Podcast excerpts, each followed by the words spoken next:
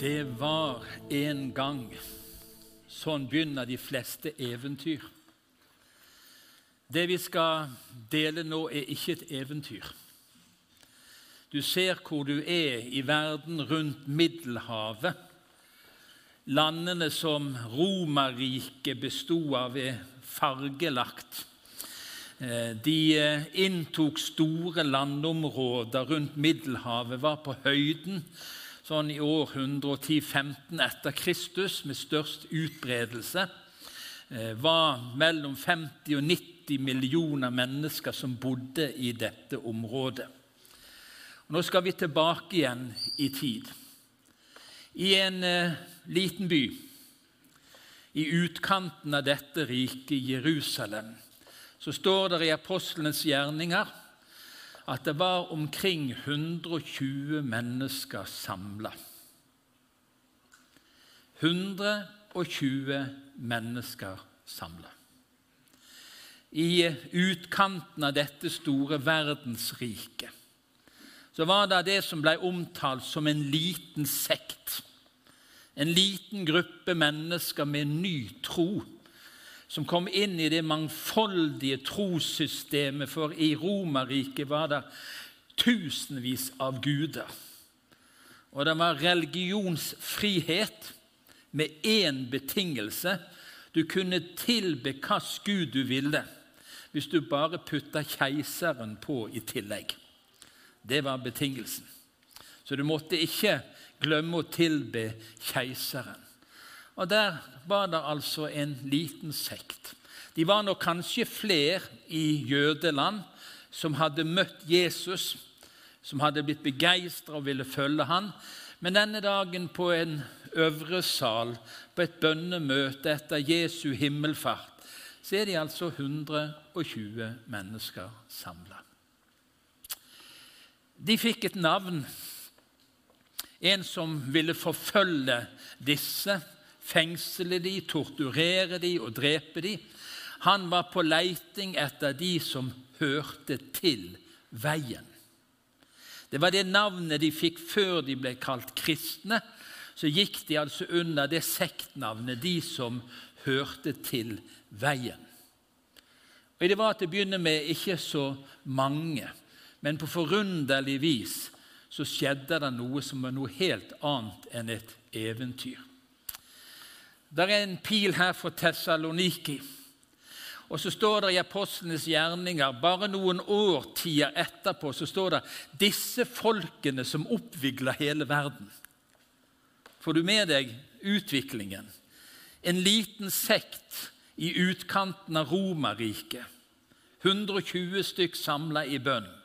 Noen årtier etterpå så heter det når de kommer til en av storbyene, 'disse som oppvigla hele verden'.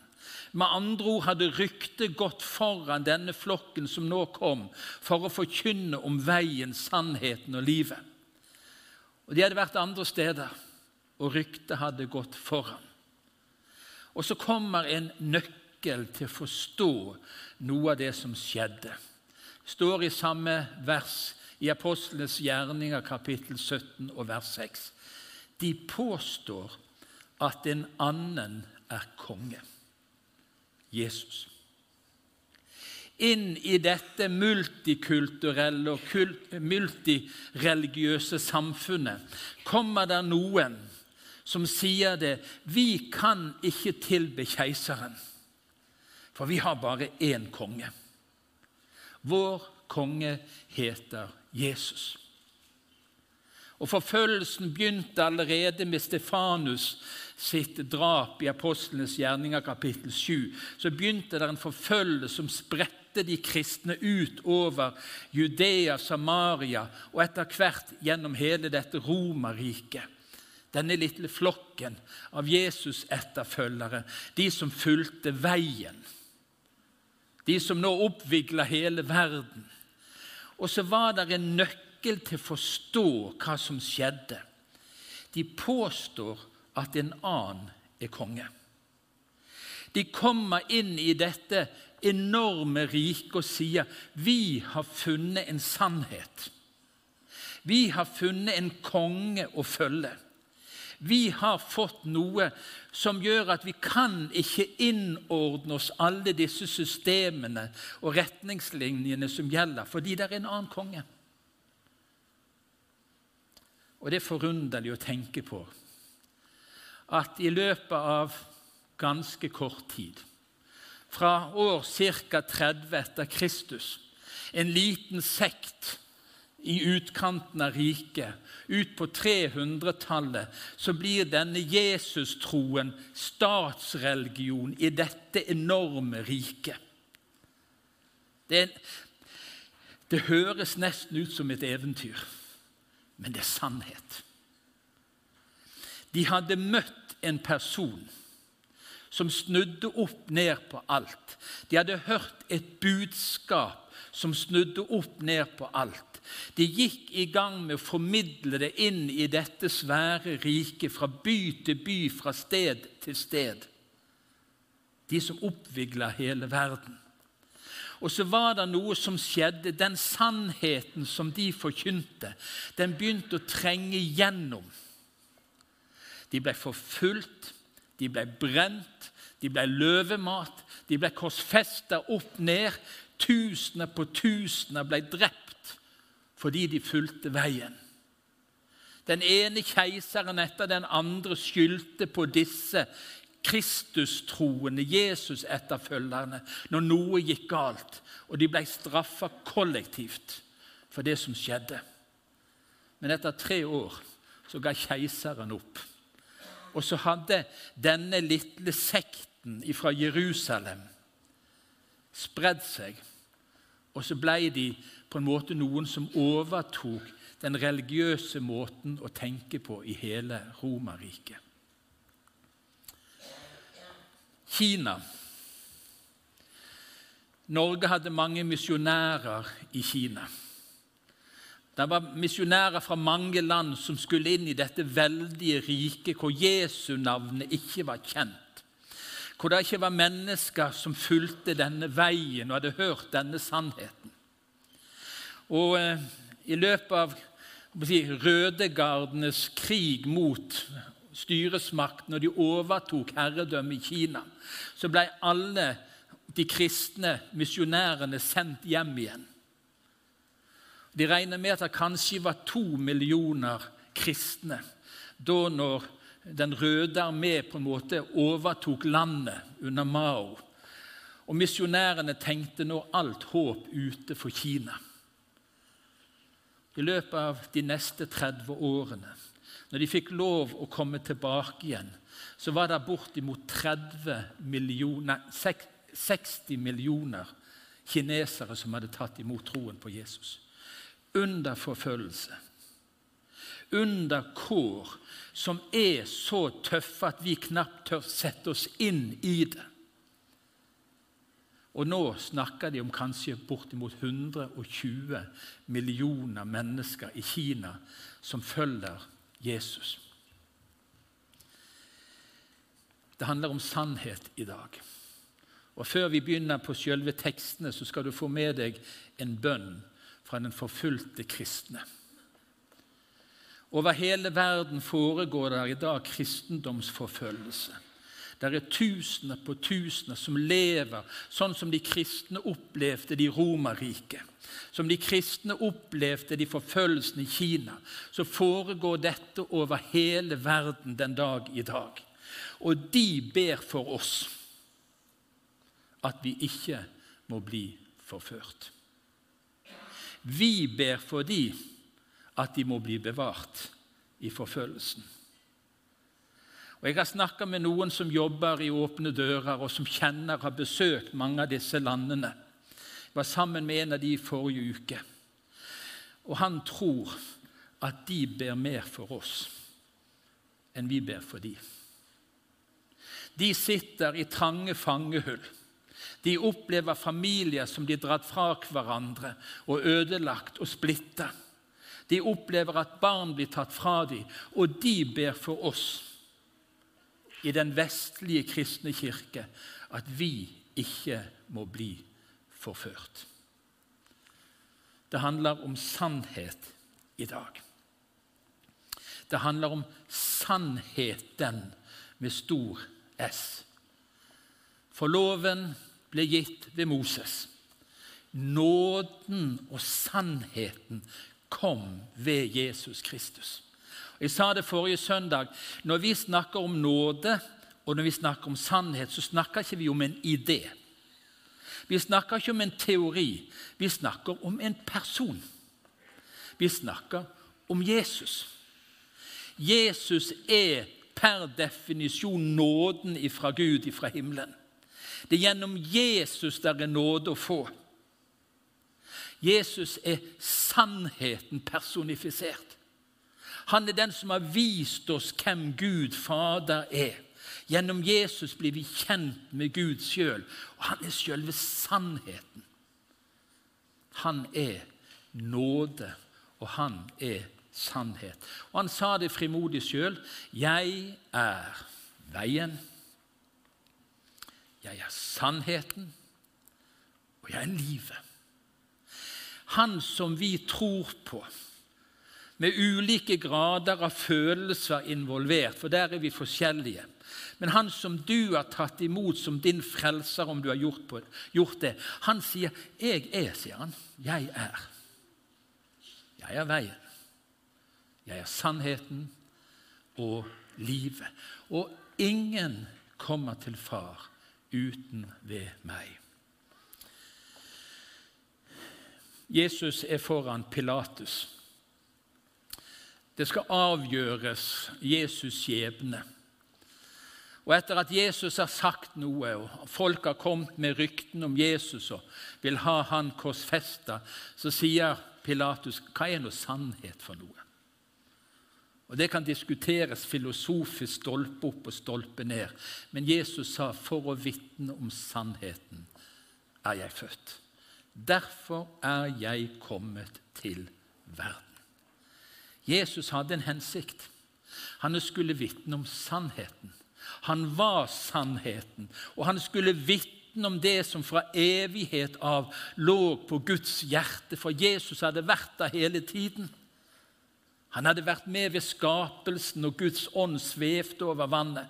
Jesus var der hele tiden, og han kom inn i denne verden for å vitne om sannheten.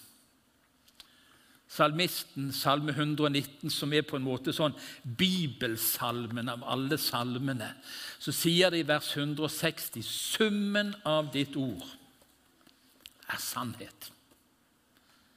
Summen av dette ordet, det er sannhet.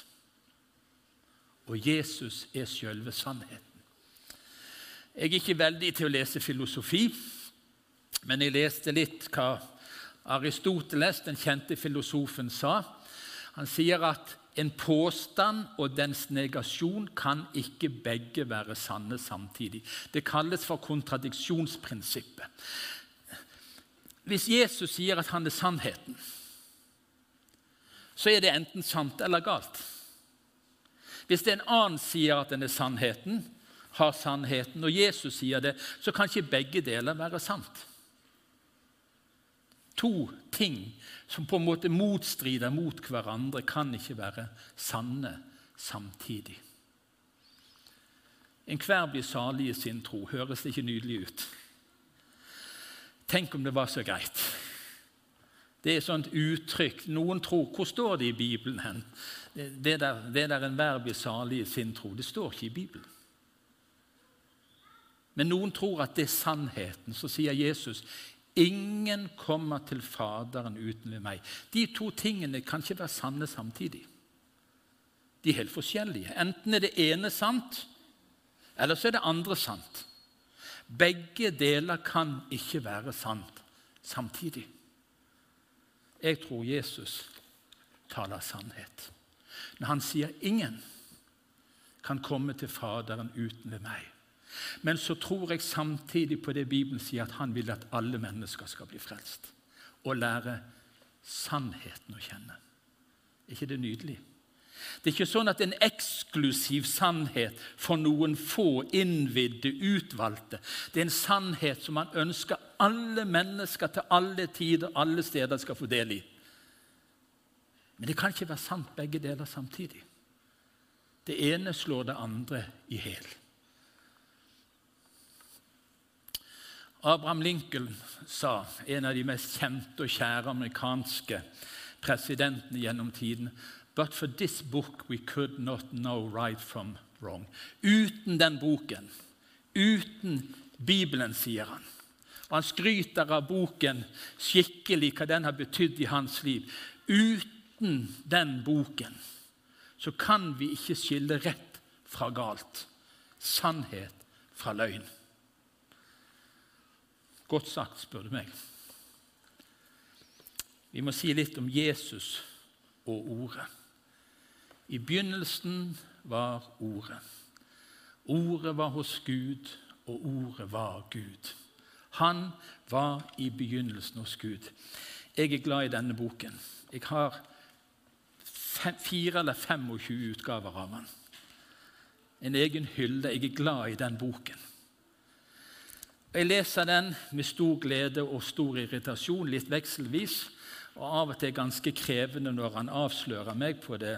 Ja, jeg er glad i denne, men jeg tilber ikke boken. Jeg tilber Han som er Ordet.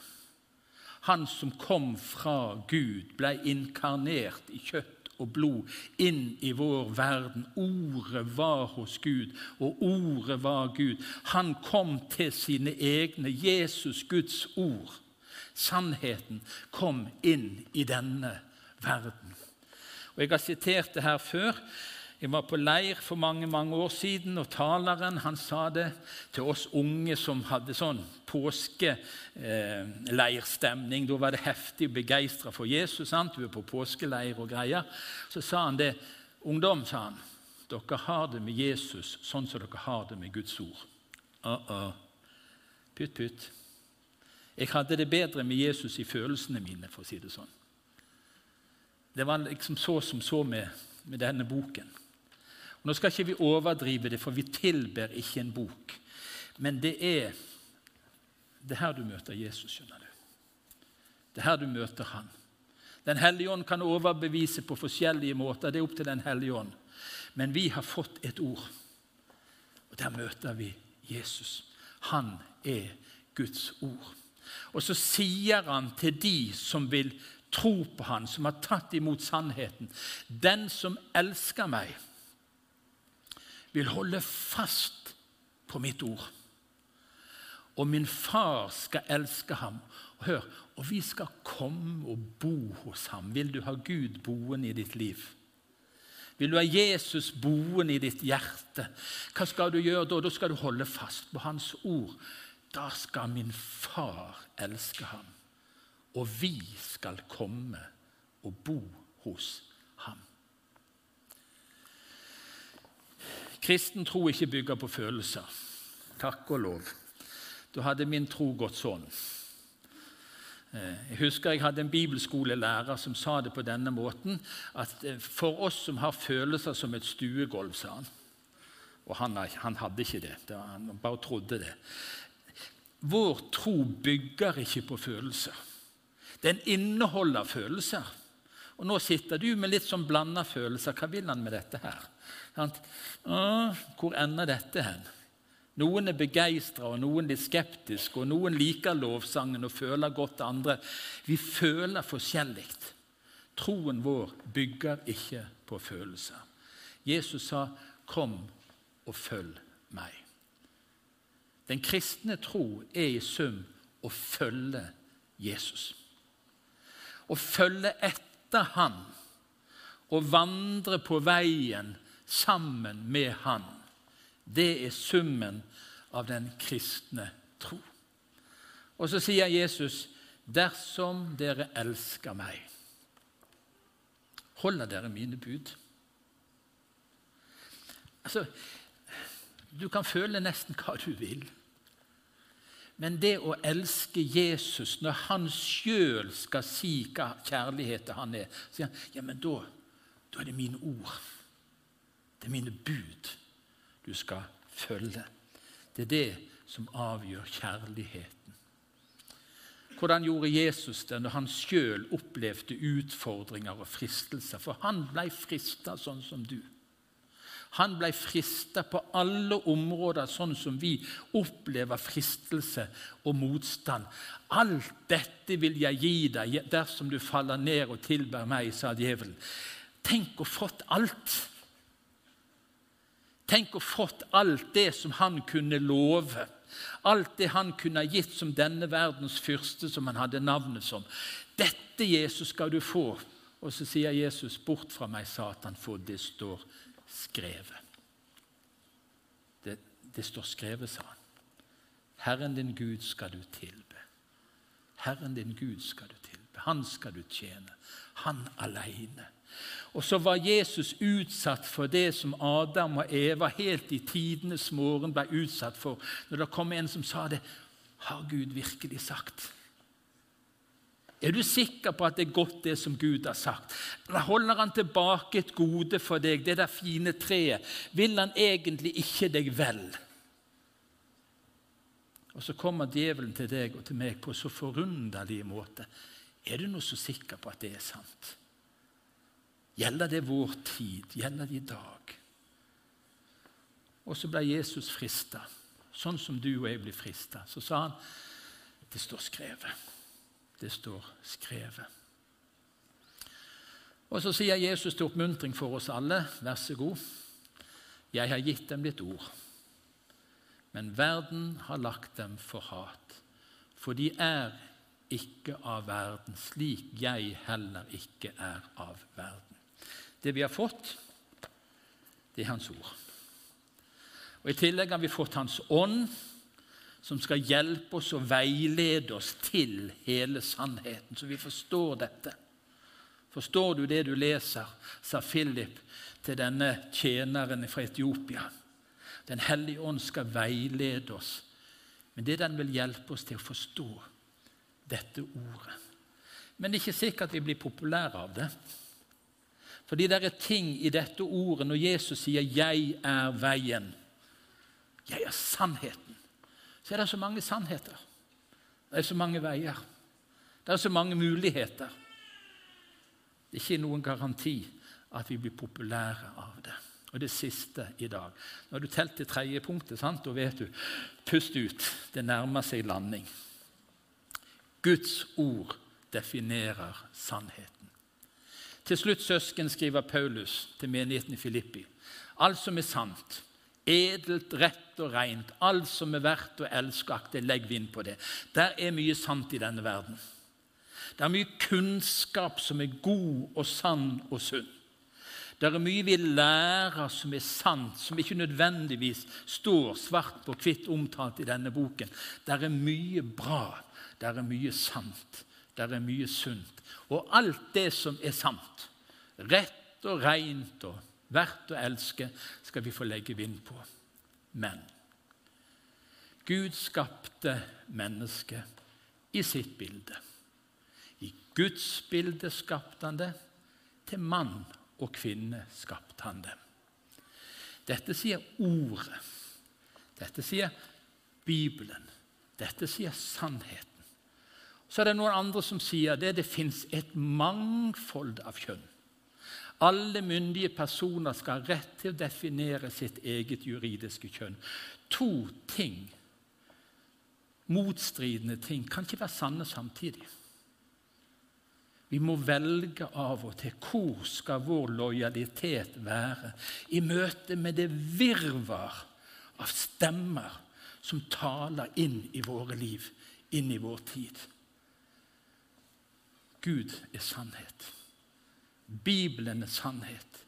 Jesus er sannhet. Guds ord er sannhet når det taler om mennesket. Det er noen som er veldig optimister på menneskets vegne. Men kjære folk, se hva vi klarer å ødelegge. Se alt som skjer i nære relasjoner, krenkelser og overgrep. Se det som skjer mellom nasjoner av krig og ufred. Og så sier Bibelen sånn er mennesket. Helt realistisk. Og Samtidig sier Bibelen at vi er øyenstein, Guds øyenstein. Vi er si, det vakreste, flotteste Gud har skapt, dette mennesket. Og det er skapt i Guds bilde. Guds ord er sannhet når det taler om frelse og forholdet til Gud. Når Jesus sier 'Jeg er veien, sannheten og livet', ingen kommer til far uten ved meg. Bibelen taler sannhet. Og Hvordan skal vi innrette vårt liv i denne verden? Hvordan skal vi leve sammen? I familier, i relasjoner, i vennskap. Eh, hvordan skal vi leve dette livet? Så taler Bibelen sant når den taler om all etikk og moral. Og så er spørsmålet våger vi å tale sannheten. Tror du virkelig at Gud er god, og at Han som har skapt oss, vet best hva som er virkelig godt for alt som Han har skapt? Imot stemmer som sier at alt annet er godt. Våger du å si vet du hva, jeg er så kanskje enfoldig eller et eller annet. Jeg tror sannheten står her. Jeg tror at dette, ordet fra Guds munn, det Jesus formidler, det er sannheten. Jeg tror på en god Gud. Jeg tror på en god Gud som tenker gode tanker om oss, og når han setter rammer rundt vårt liv. Og vi som har oppdratt noen barn, av og til sa vi nei. Av og til så satte vi en grense, en begrensning. Av kjærlighet til våre barn så ga vi en begrensning fordi vi elska dem og ville verne om dem.